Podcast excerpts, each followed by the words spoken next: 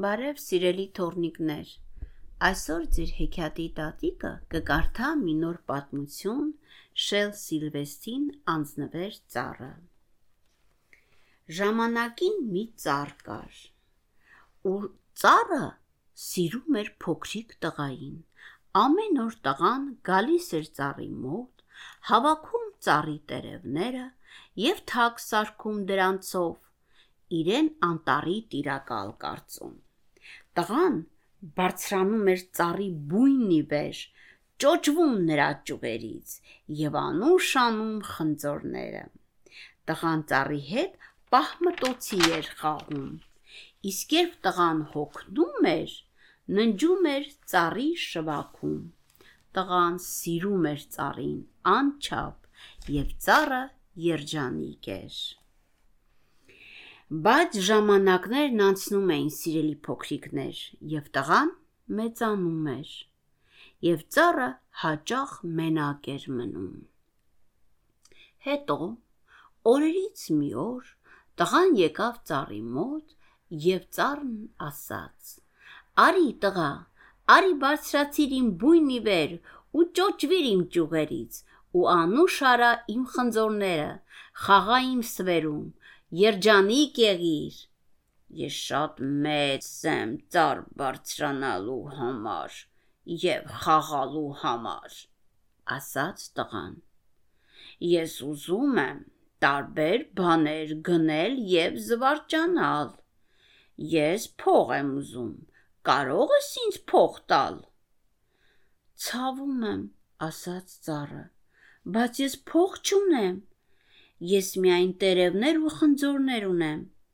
Վերցրու իմ խնձորները տղաս եւ վաճառիր դրանք քաղաքում։ Այդ ժամանակ դու փող կունենաս եւ երջանիկ կլինես։ Եվ այսպիսով տղան բարձրացավ ծառնի վեր, հավաքեց ծառի խնձորներն ու տարավ իր հետ, եւ ծառը շատ երջանիկ էր բայց տղան երկար ժամանակ չերևաց եւ ծառը տխուր էր հետո օրերից մի օր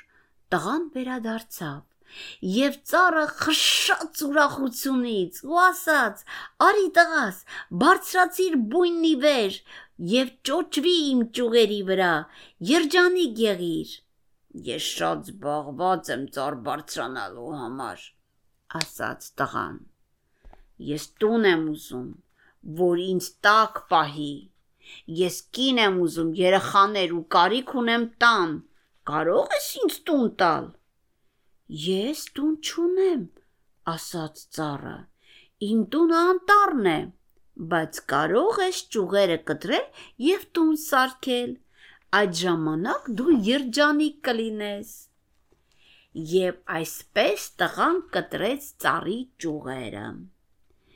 որպիսի տանի ու տուն սարքի։ Եվ ծառը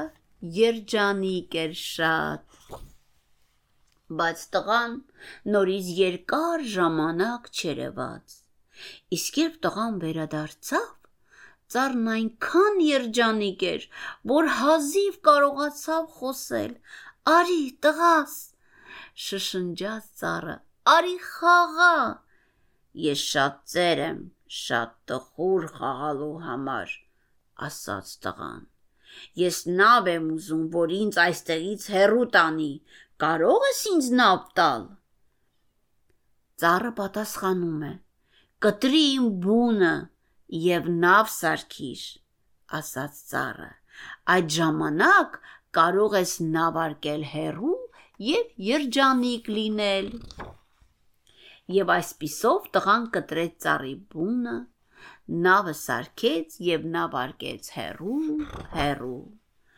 Ծառը երջանիկ էր, իմ սիրելի փոքրիկներ, բայց ոչ այնքան շատ։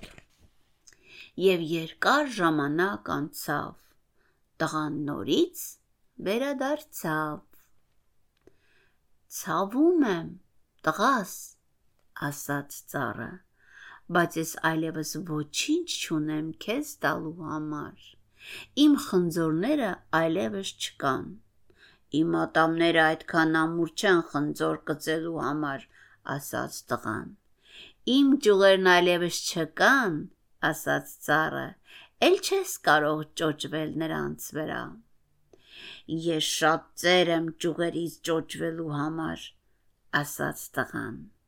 Իմ բունն այլևս չկա, ասաց ծառը, ել չես կարող բարձրանալ վեր։ Ես շատ հոգնած եմ ծառ բարձրանալու համար, ասաց տղան։ Ցավում եմ, կամանցուկ ասաց ծառը։ Շատ կուզենայի քեզ մի բան տալ, բայց այլևս ոչինչ չունեմ։ Ցավում եմ շատ, բայց ես հիմա ընդամենը մի հին կոճղ եմ։ Ես հիմա շատ բանի կարիք չունեմ, ասաց տղան։ Պարզապես մի խաղաղ տեղ, որ նստեմ ու հանգստանամ։ Ես շատ եմ հոգնած։ Լավ, ասաց ծառը ուղելով ինքն իրեն։ Կարծում եմ, հին կոճղը հարմար է նստելու եւ հանգստանալու համար։ Արի տղաս, նստիր կոճղին, նստիր եւ հանգստացիր։ Եվ տղան նստեց կոճղին ու ծառը իրեն երջանիկ էր զգում։ Պատմությունը վերջացավ։ Սիրելի փոքրիկներ, իմ թորնիկներ, մի փոքր ուզում եմ այս պատմության ճակերտները բացել։ Անկախ տարիքից, փոքրից մինչև տարեց, անկախ ազգից ու սեռից,